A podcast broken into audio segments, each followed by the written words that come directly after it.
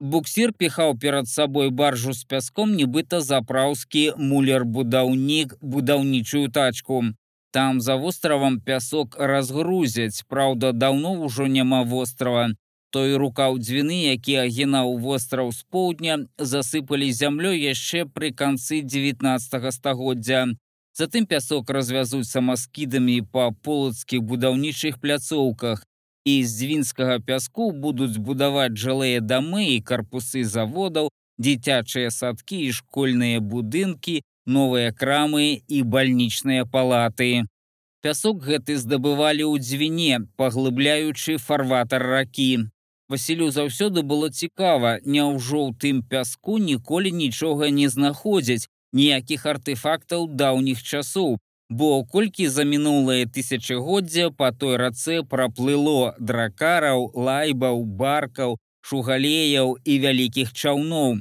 Здаралася, што некаторыя танулі часам з усім грузам.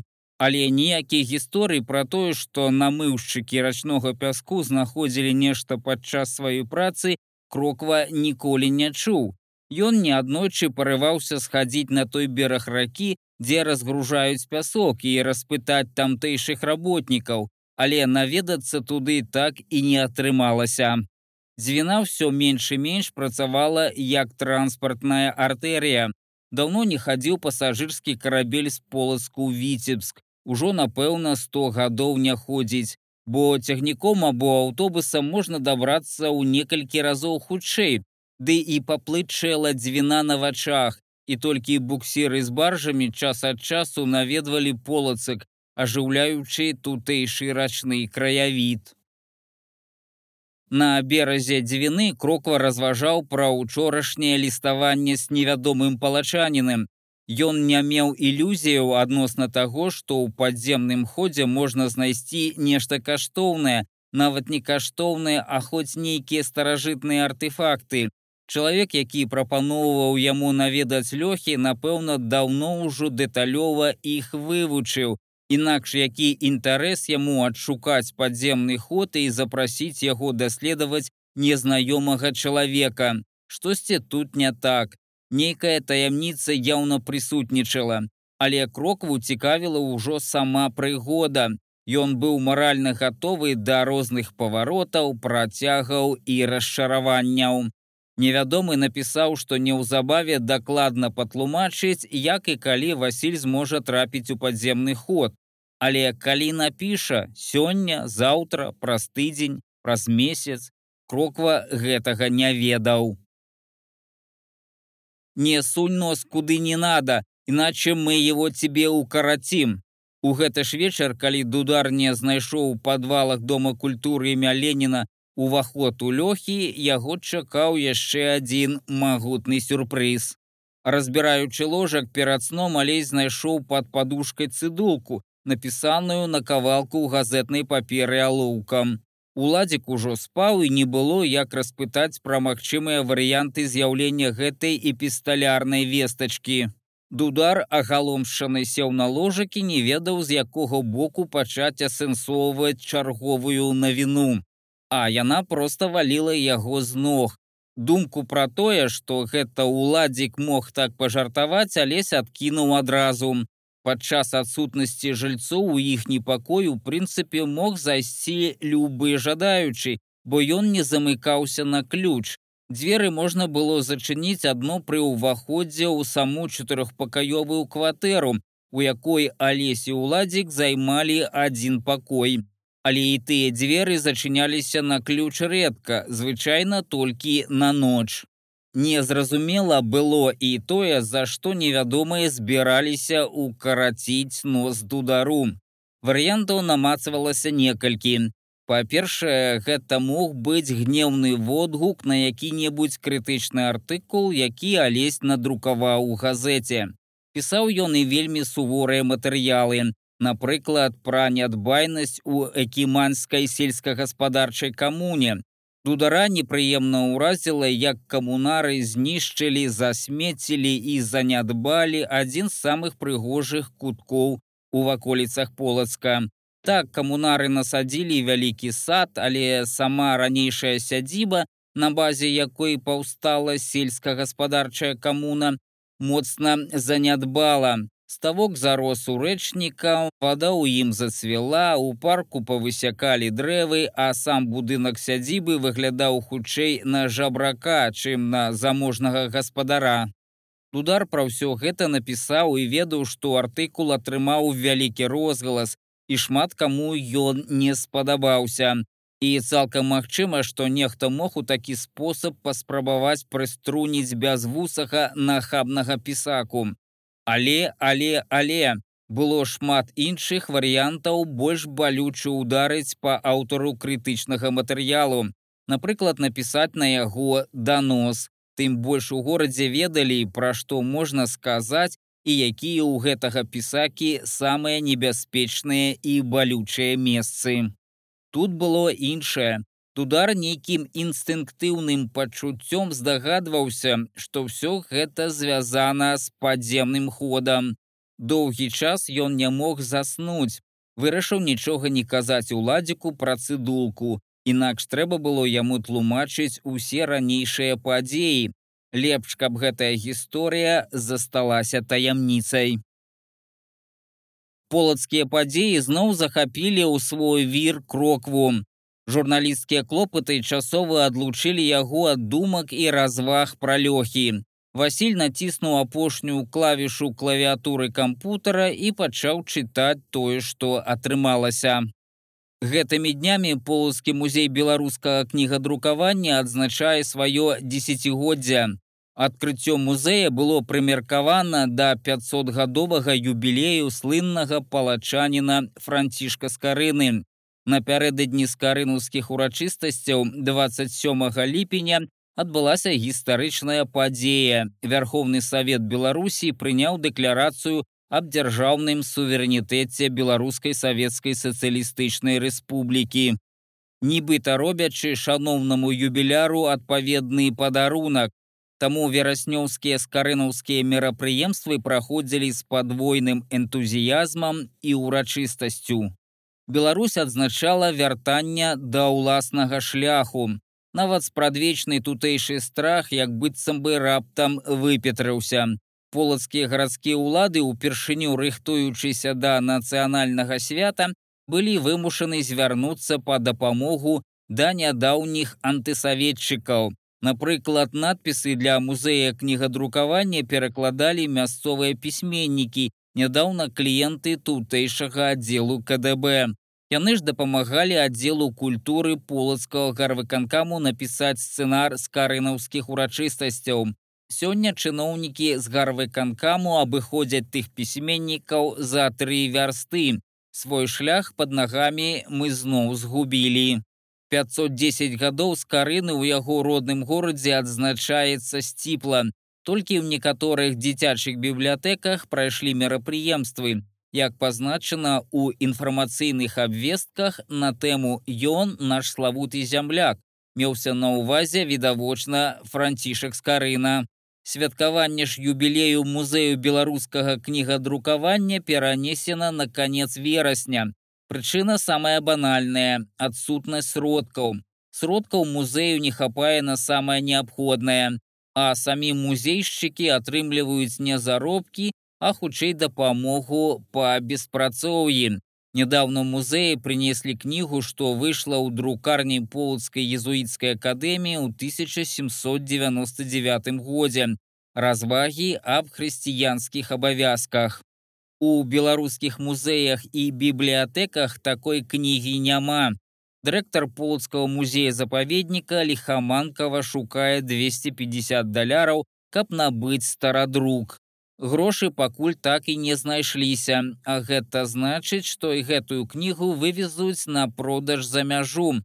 Што ўжо казаць пра набыццё скарынаўскіх кніг на еўрапейскіх кніжных аўкцыёнах.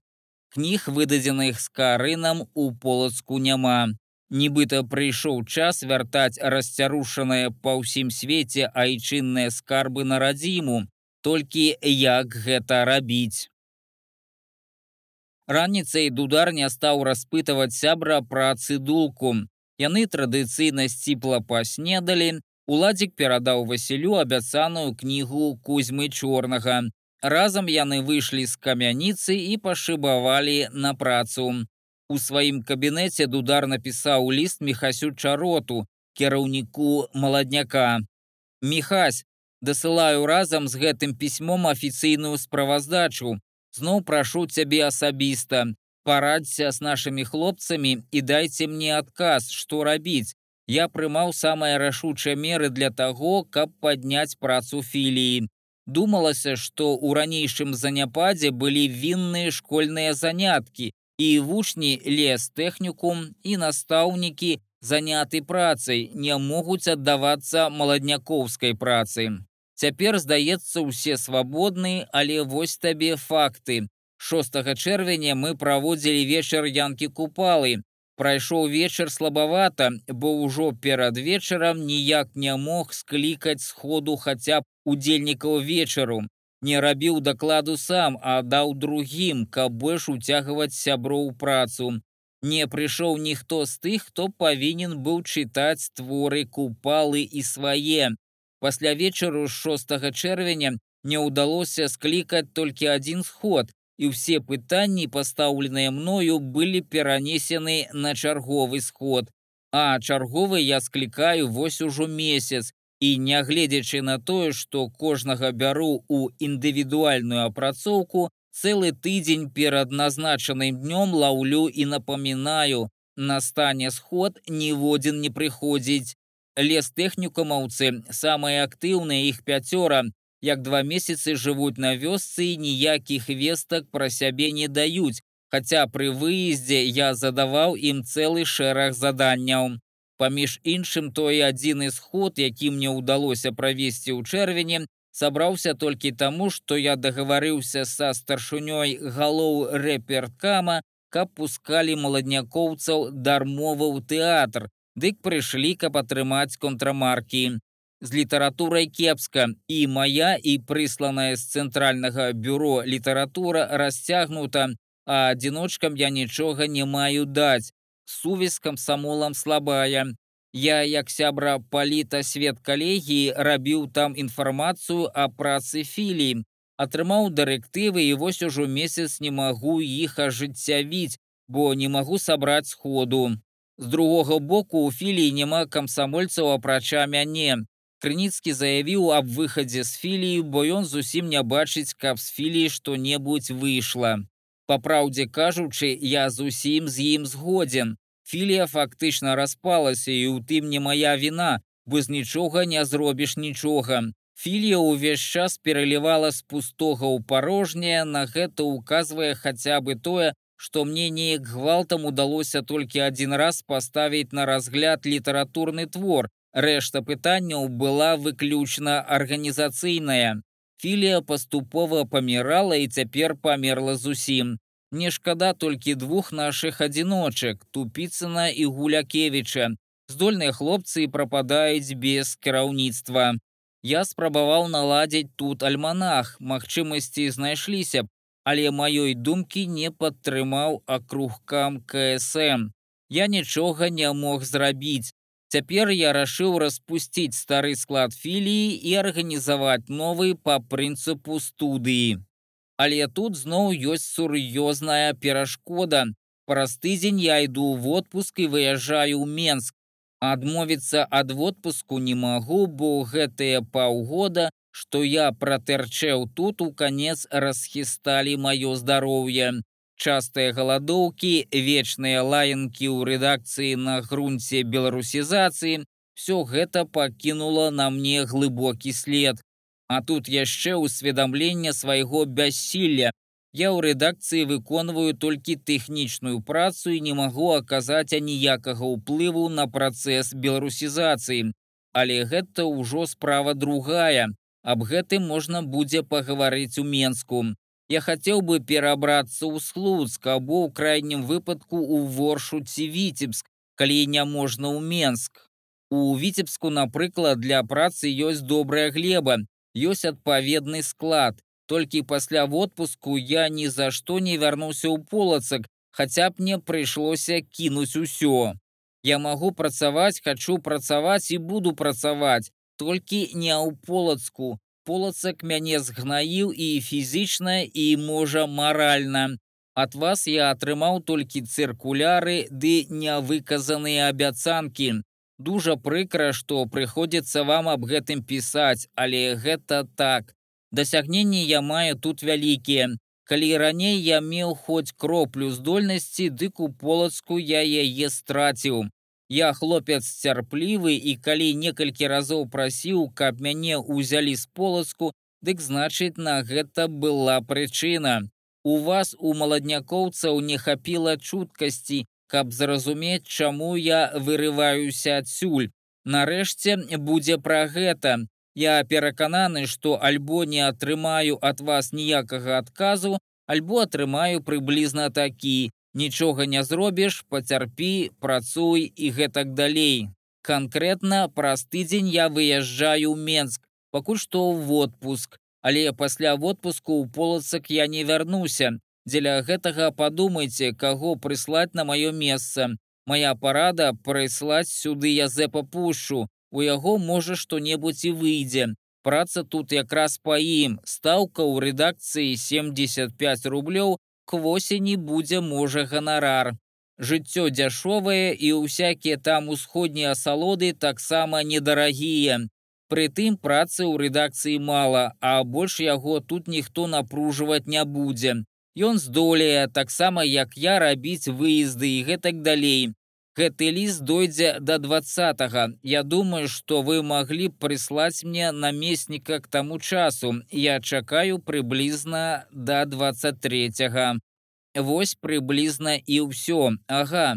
Паведаміце мяне, ці не можна куды ўклеіць маю паэму сонца ў стане, аб барацьбе ў Кітаі і наогул на ўсходзе, аб нацыянальным руху. Радкоў каля 500 аб гэтым паведаміце тэрмінова.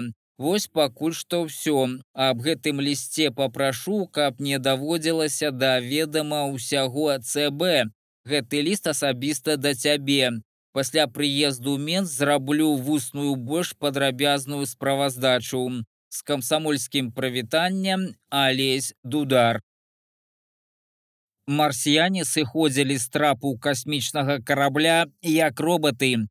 Все их рухи были до дробницы подобные, нібыта одну постаць помножили у нейкай кампутарнай відэапраграме. Сваю зброю яны трымалі перад сабой. Ростам марсіяне былі крыху вышэйшыя за сярэдні чалавечы. Іх амуніцыя нагадвала даспехі рыцараў сярэднявечча. Навошта ім было так упакоўвацца, цяжка сказаць, бо наўрад ці падобныя бляшанкі нават самага трывалага матэрыялу маглі б уратаваць ад сучаснай зброі. Іх карабель прызямліўся на беразе дзвіны з боку задзвіння, побач з былым бернардынскім кляштарам, дзе доўгі час была турма, спачатку НКВДшная, затым фашыстоўская, затым звычайная савецкая. Пасля ліквідацыі ў 1954 годзе полацкай вобласці турму закрылі, а ў бернардынскіх мурах была створана абласная вар'ятня. Побач з суворым плотам псіхіятрычнай установы практычна ў сутыж з ім дажывалі апошнія свае гады рэшткі касцёла святой Ганны. Марсіяне пачалі фатаграфавацца на тле гэтых вартых жалю руінаў былой святыні. Прычым все рабілі моўчкі ніводнага гуку не было чутно. Затым яны пратаранілі нейкай дзіўнай падобнай да вялікага прусака баявой машынай браму вар'ятні і шыхты марсіянаў пачалі знікаць за плотам псіхіятрычнай лікарні. Адкуль узялася ў руках кроквы ракетніца, ён ужо не мог здагадацца, але на раніцу выдатна захавалася ў памяці як стрэляў з ракетніцы ў неба. Зыркі камячок святла нейкі час павісеў над полацкам, адбіваючыся ў свінцовай вадзе дзвіны і затым упаў у раку. Вярнуўшыся з працы дудар цэлы вечар чытаў срэбра жыцця кузьмы чорнага. Гэта дазваляла яму заставацца сам насам і не весці размовы з уладзікам. Не было ніякага жадання з кімсьці размаўляць. Хацелася асэнсаваць, што адбылося. Ну не звар'яцеў жа ён. Ёсць у тым падвале ўваход у лёхі. Ён не толькі яго бачыў, але крыху і прайшоўся па тых сутарэннях. І сведка ў яго быў, толькі ўжо не жыве. І гэтая думка, што сведка ўжо не жыве, яшчэ больш напяла ў сярэдзіне недзе ў жываце трывожнае хваляванне. Калі не жыве таму, што ведаў пра падземны ход, то і ён алесь ходзіць пад тым самым прысудам. І гэтая цыдулка ці не папярэджанне пра магчымасць выканання прысуду. Калі ён, што калі ён, далей будзе шукаць падземны ход, але як яго далей шукаць, хіба паведаміць мясцовым уладам і пачаць афіцыйныя розшукі. Але каму тут у полацку ён можа даверыцца нікому. Дакладна нікому, таму лепш пакуль маўчаць. У Менску ён раскажа пра лёгкі чароту. Бадай што гэта адзіны чалавек, якому алесь давяраў цалкам.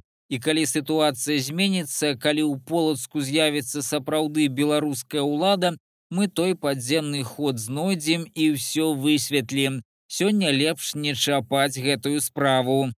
Так для сябе вырашыў дудар. Яму стала лягчэй. Ён зноў пачаў распазнаваць літары ў кнізе, якую чытаў і сэнс апавядання чорнага пачаў складацца ў малюнкі і сюжэты. Абшар зямлі як мора, змрок і святло як хвалі, прачытаў дудар. Гэты чорны сапраўдны паэт падумаў лезь, трэба будзе яму пры сустрэчы пра гэта сказаць. За чорнай хваляй павінна быць светлая хваля. Ад гэтай думкі дудару стала лягчэй. Павінна быць светлая хваля. Паўтарыў пра сябе ён некалькі разоў. Кроквая ведаў толькі адну асобу, з кім можна было абмеркаваць апошнія падзеі. Гэта быў падземны чалавек. Насамрэч звалі яго Міхась. Працаваў ён на мясцовым заводзе нейкім інжынерам, але ўвесь вольны час праводзіў у сваіх краязнаўчых розшуках і вандроўках па полацкіх ваколіцах. Ведаў ён сапраўды вельмі шмат, аднак ягоныя веды часам падаваліся Васілю нейкімі не сістэматызаванымі. Адчувалася, што міхась не гуманітарый з адукацыі і ведае толькі тое, з чым асабіста меў дачыненне, або тое, што яго непасрэдна цікавіла. Перадусім гэта была гісторыя полацка. Крок улева, крок управа і ты мог трапіць на пустку, на поўнае няведанне нават базісных школьных азоў. Праўда, кроква не збіраўся абмяркоўваць з ім гісторыю месапатаміі або фракіі. Якраз полацкая гісторыя цікавіла таксама і Васіля. Яны сустрэліся ў кавярні рыса, якая месцілася ў адным будынку з полацкім музеем беларускага кнігадрукавання.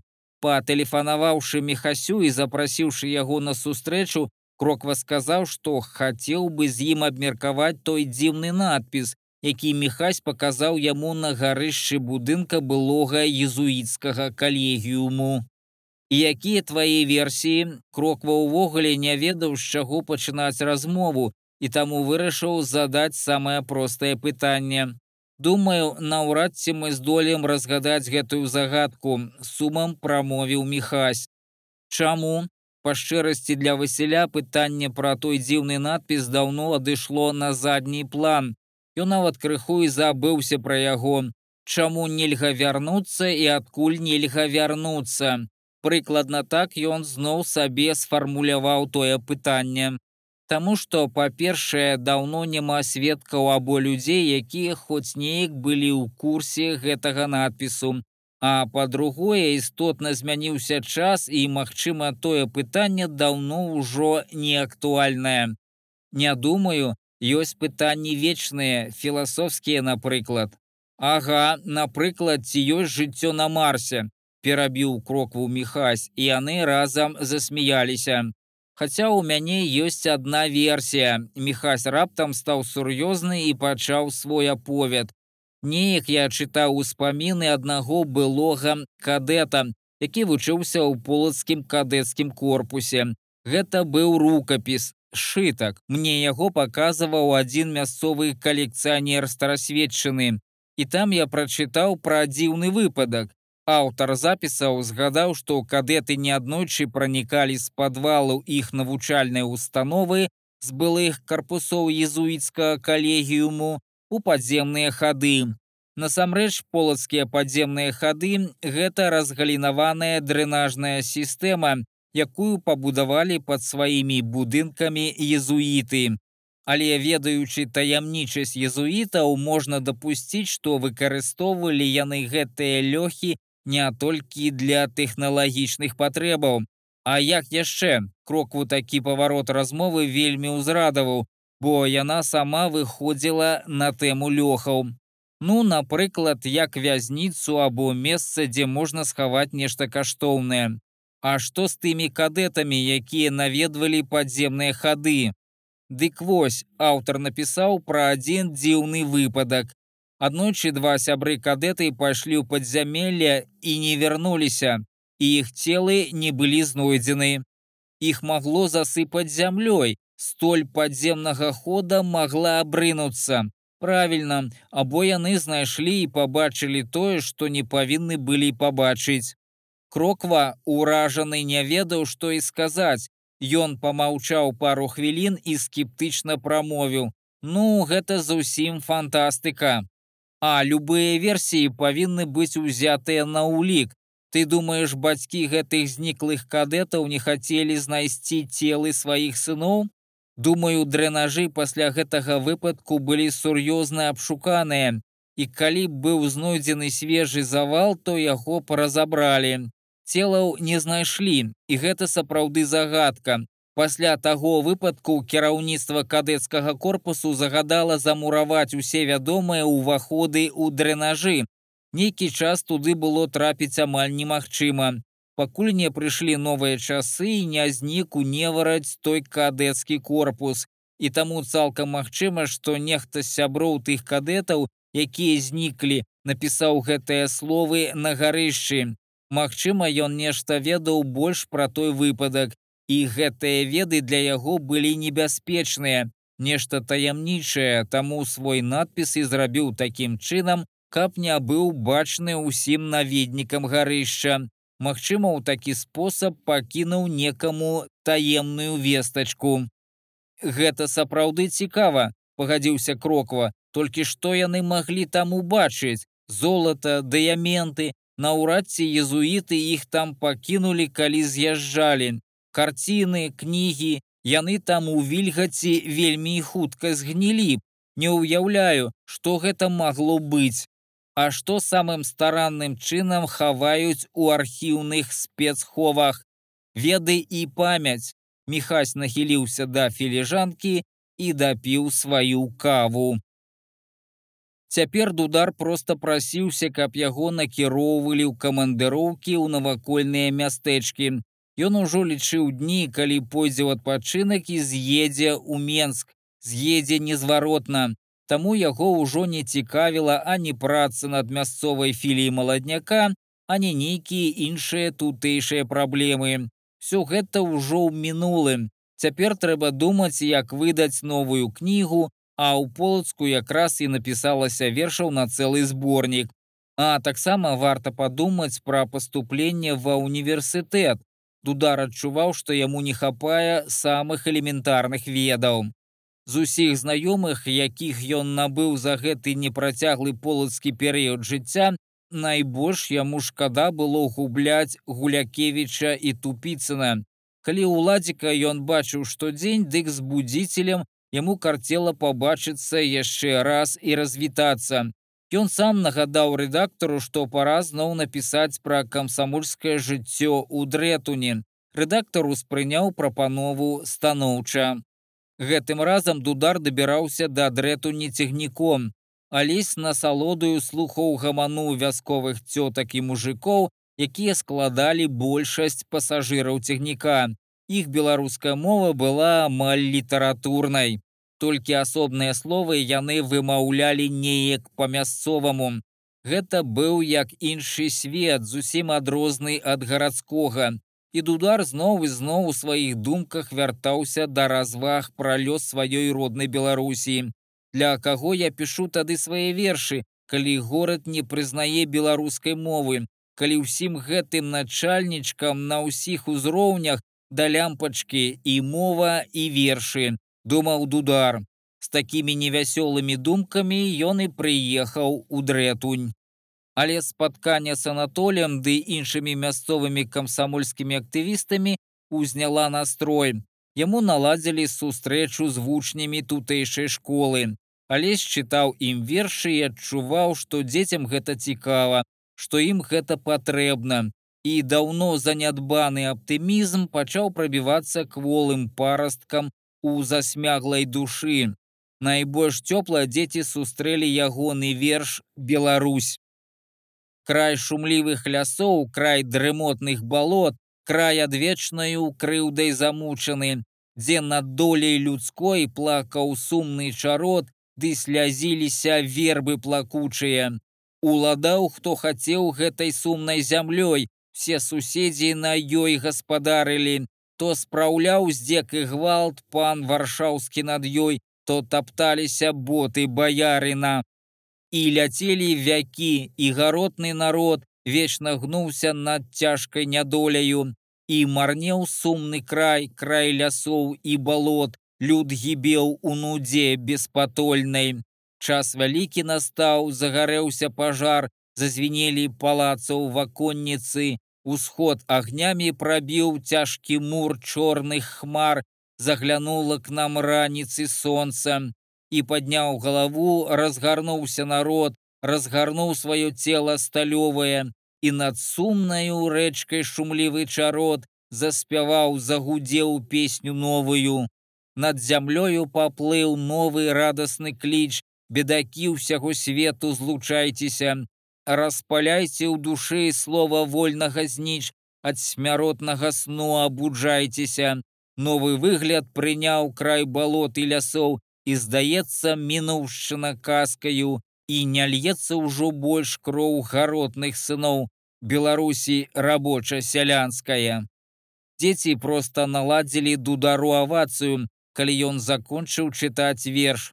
Увечары на чыгуначным вакзале дудара праводзіў тупіцым. Добры верш у цябе атрымаўся, пахваліў паэта Анатоль. Вось такія вершы і трэба вывучаць у школе. Калісьці так і будзе, адказаў дудар. Магчыма, і будзе, але не хутка. Будзіцель азірнуўся навокал і ціха прамовіў. Баюся, што чакаюць Беларусь наперадзе цяжкія выпрабаванні. Чаму ты так лічыш?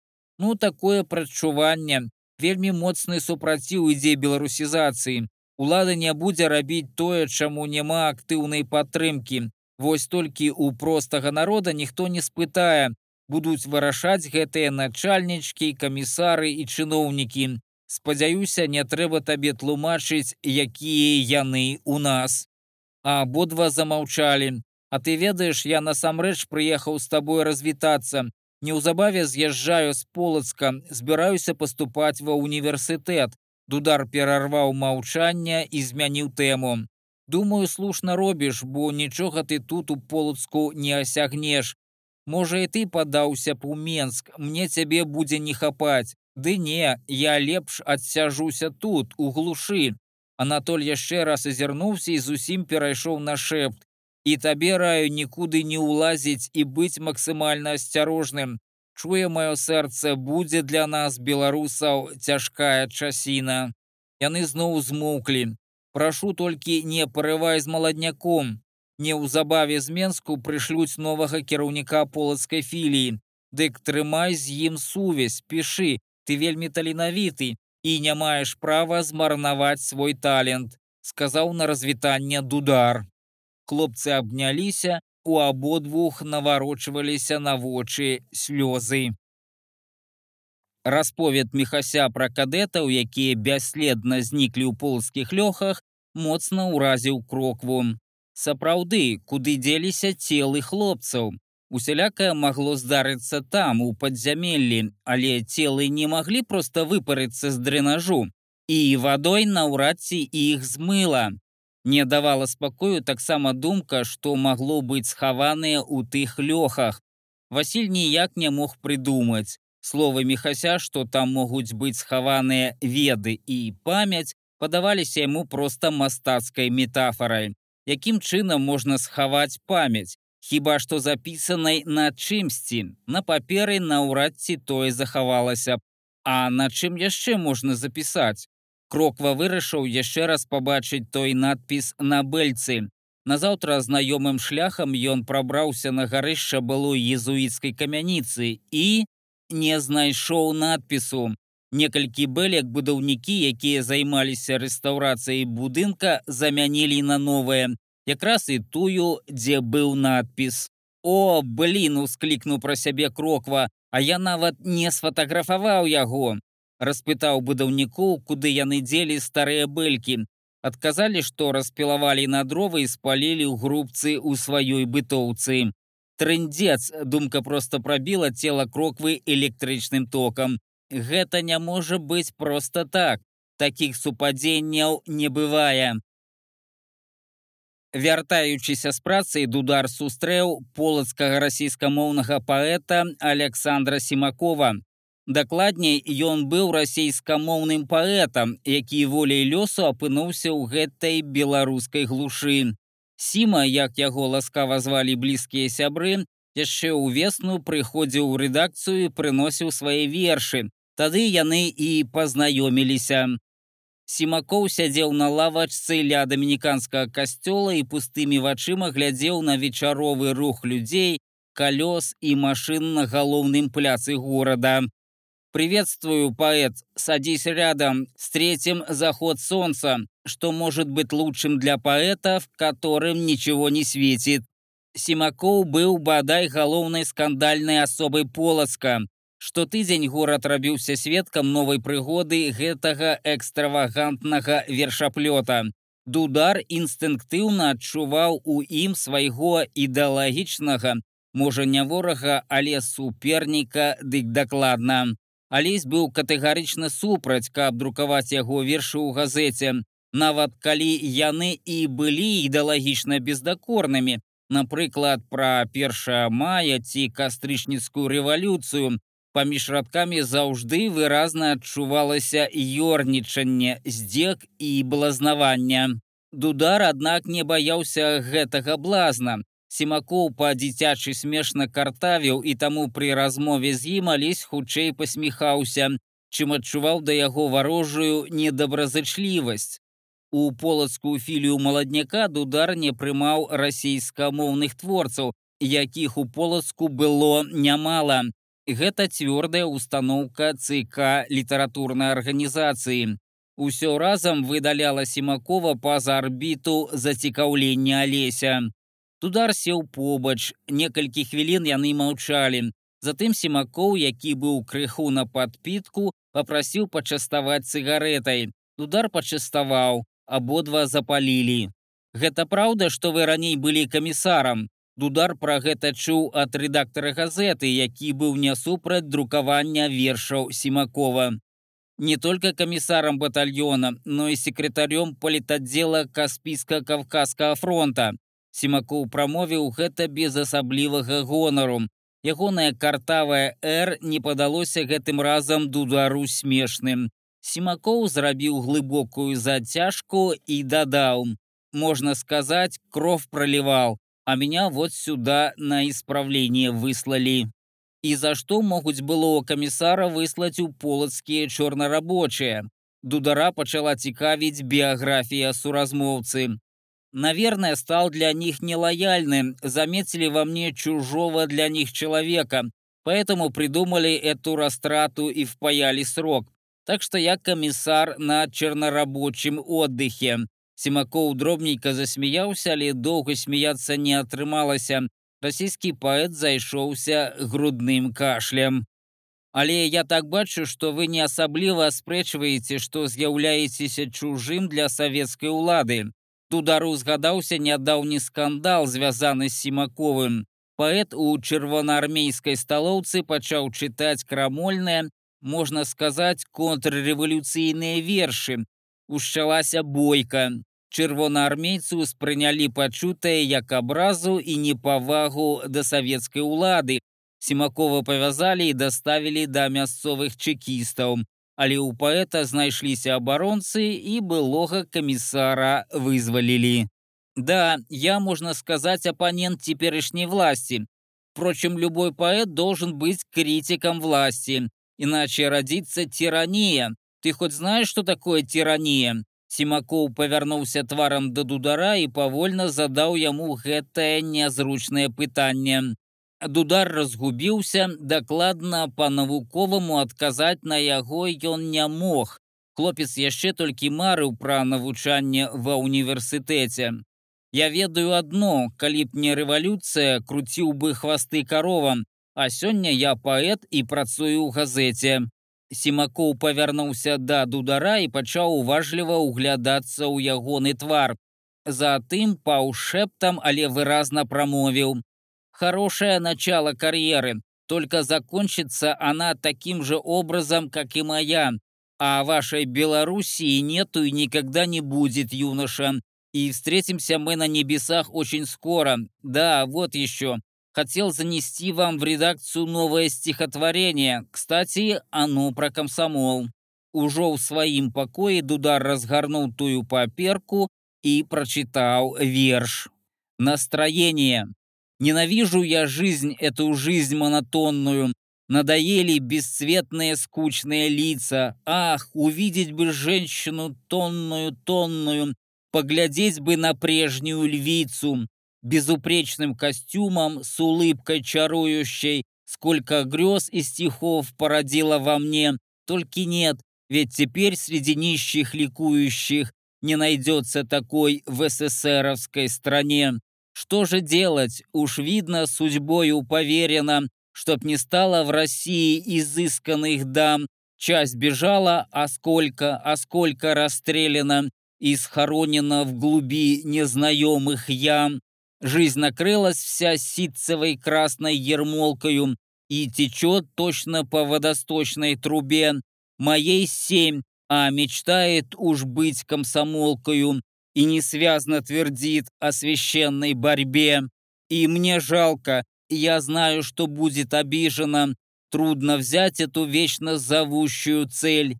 И мне больно, что будет, наверное, острижена, и любовь захоронит в шевровый портфель. Ах, как трудно, как трудно дорогой сожженную в эти годы в томительной скуке брести, ведь не вырастешь женщину тонную, тонную, плач, а все ж комсомолку расти. Увогуле редакторы не так часто тэлефанавалі крокве. Часцей ён сам ім званіў, калі чарговыя матэрыялы завісалі і доўгі час не ішлі ў друк. А тут рэдактар пазваніў і папрасіў напісаць штосьці пра змены ў жыцці сучаснага беларускага пісьменніка. На наступным тыдні ў Менску павінен адбыцца нейкі літаратурны форум, і таму тэма айчыннай літаратуры раптам стала актуальнай. Рэдактар пры канцы размовы сказаў: « Ну табе гэтая ж тэма блізкая так бы мовіць на сваёй скуры тыя змены адчуў. Рэдактар таксама быў крыху пісьменнікам, таму і сам мог напісаць, але напэўна вырашыў балючай тэмы ўласнаручна не чапаць. Кроква паабяцаў і ў той жа вечар даслаў невялікую нататачку для сваёй аўтарскай калонкі. Нядаўна да мяне звярнуўся адзін маскоўскі паэт з просьбай, каб я пераклаў ягоны верш на беларускую мову. Ён задумаў выдаць кнігу з адным сваім вершам, але ў перакладзе на дзясяткі моваў свету. Прыкладна гэтак, як некалі выдалі кнігу янкі купалы з вершам А хто там ідзе. Праўда, маскоўскі паэт напісаў верш, так бы мовіць, у найноўшай стылістыцы постмадэрністкай. Таму шматмоўнасць выкарыстоўваецца ім з іншай мэтай, чым у кнізе, а хто там ідзе. Але справа не ў гэтым. А ад маскоўскага знаёмага я не меў ніякіх вестак амаль чатыры гады. Таму натуральна захацеў пачуць, што і як адбываецца ў ягоным жыцці. Высветлілася, што зараз ён працуе ў вядомым маскоўскім выдавестве ў якасці капірайтера. Гэта значыць складае рэкламныя тэксты. Прычым складае ў капіталістычным інтэнсіўным рэжыме з 10 раніцы да сямі вечара. Для творчасці часу зусім не застаецца. Напэўна, таму і выдае кнігу з адным вершам. У рассіі даўно ўжо няма такой прафесіі паэт. Расійскія паэты з гэтым канчаткова змірыліся і нават не згадваюць пра той рай, які за адданую працу стварала для іх савецкая ўлада з прыстойнымі ганарарамі, штогадовымі кнігамі, кактыбелямі і творчымі камандыроўкамі па краіне. Бо як было раней, задумаў паэт напісаць верш пра генісей, бярэ творчую камандыроўку і наперад натхняцца сібірскімі прасцягамі. Але ў сваім вершы ён абавязкова павінен згадаць пра гераічных савецкіх першапраходцаў суворай Сібіры. Адным словам, суцэльная рамантыка і асабістая выгода. Аднак эпоха савецкага рамантызму незваротна мінула. Прыйшлі новыя часы, лепшыя ці горшыя, гэта іншая справа, але яны прыйшлі і жыццё трэба ўпарадкаваць адпаведна новым патрабаванням. На Беларусі сітуацыя зусім іншая. Адно мінула, другое не прыйшло. Таму беларускія паэты ўсё яшчэ не вераць, што ва ўсім свеце няма такой прафесіі паэт. Таму так і нудзяцца, пакутаюць, скардзяцца. Прычым у беларускай літаратуры так усё перамяшалася, што і не зразумееш, хто тут класік, а хто звычайны графаман. Асабліва цяжка разабрацца правінцыялу, У выніку адбылася страшэнная дэвальвацыя творчай працы. Не ў апошнюю чаргу спрыяла гэтаму бязладдзю дзейнасць самой пісьменніцкай арганізацыі, бо хто толькі не ездзіў па правінцыі пад эгідай саюза пісьменнікаў на творчыя сустрэчы. Гэтак нібыта пашыралася ў народзе беларускае слова і культура. Але ці чулі яны калі-небудзь, як каментуюць простыя людзі іх выгляд, звычкі і публічныя выступы. Нядаўна мне распавялі одну прыкрую гісторыю, што надарылася ў докшыцкім раёне. У саміх докшыцах адбылася юбілейная сустрэча аднаго пісьменніка з Менску, які паходзіў з гэтых мясцінаў. Настаўніца беларускай мовы з вясковай школы вёска гэтая месціцца непадалёку ад райцэнтру, попрасіла ў дырэктара школы адпусціць заняткаў на сустрэчу некалькі вучняў старэйшых класаў і пачула ў адказ наступнае. Лепш на мал паўглядзець у заапарку, чым на беларускіх пісьменнікаў. Вядома, разгарэўся скандал, але падобныя выпадкі не адзінкавыя. Праўда, прычына не толькі ў саміх пісьменніках. Сапраўды надышоў неспрыяльны час для творчых людзей. Вось толькі калі ён быў спрыяльны. Вяртаючыся ў Менск цягніком, дудар увесь час глядзеў в акно і разважаў пра сімакова. Недабіты белагвардзеец пра сябе з горачу прамовіў алесь. Ён быў злы на расійскага паэта. Ягоны верш дудар, канешне, спаліў. Толькі з-за захавання і чытання такіх стихов ён меў бы сур'ёзныя праблемы з адпаведнымі органамі. Нарэшце я пакідаю полацак, падумаў алесь, нічога добрага мяне там і не чакала, а яшчэ гэты сімакоў на маю галаву. У думках ён увесь час вяртаўся да той размовы, знаходзіў усё новыя і новыя словы, якія зараз яму хацелася сказаць недабітаму белагвардзейцу. Беларусь была і будзе, і ніхто нам не здолее перашкодзіць адбудаваць свой край не горш за Польшу або нават Францыю і ніхто не здолее перашкодзіць узняць нашу нацыянальную сацыялістычную культуру на недасяжную вышыню. Прыкладна так разважаў дудар, калі вяртаўся цягніком з полацка ў Менск. Але штосьці ў бунце семакова прываблівала маладога паэта. Паэт павінен быць крытыкам любой улады, згадаў ён словы адстаўнога камісара. І гэтая адчайная смеласць, пісаць крамольна-бунтоўныя вершы, насіць іх у кішэні і нават публічна чытаць чырванаармейцам. Бесшабашная смеласць. І штосьці дудару падказвала, што і ён некалі напіша падобныя вершы. Дзёрзкія, надзвычай дзёрзкія, іх будуць перапісваць ад рукі і чытаць самым блізкім сябрам. Толькі будуць гэтыя вершы зусім пра іншае. Пра падземны ход ён пачаў забываць. З трэцяй спробы ім удалося трапіць у Сафійскі сабор. Снарад знёс левую вежу храма. Яна, як у замаруджаным фільме, некалькі хвілінаў абрыньвалася долу, уздымаючы клубы пылу. Стралялі з-за дзвіння, недзе з раёну вар'ятні. Уся тэрыторыя вакол Сафіі праз 10 хвілінаў была ўзараная варонкамі. Кроква хаваўся за барысавым каменем, які, як звычайна ляжаў побач Сафійкай ля стромкага схілу, што спадаў дзвіну, і зіркам паглядаў у бок задзвіння. Цяжка было зразумець, адкуль канкрэтна стралялі. Амаль увесь супрацьлеглы бераг дзвіны зацягнула дымам ці там нешта сур'ёзна гарэла, ці проста вораг выкарыстоўваў дым для маскіроўкі. З правага берагу ніхто не адказваў на стральбу. Па-першае, было абсалютна незразумела, куды страляць. Па-другое, можна было трапіць у жылы раён задзвіння. Кроква чуў, як нехта гістарычна лямантаваў нашым артылерыстам. Страляйце па вар'ятні, страляйце сукіны дзеці.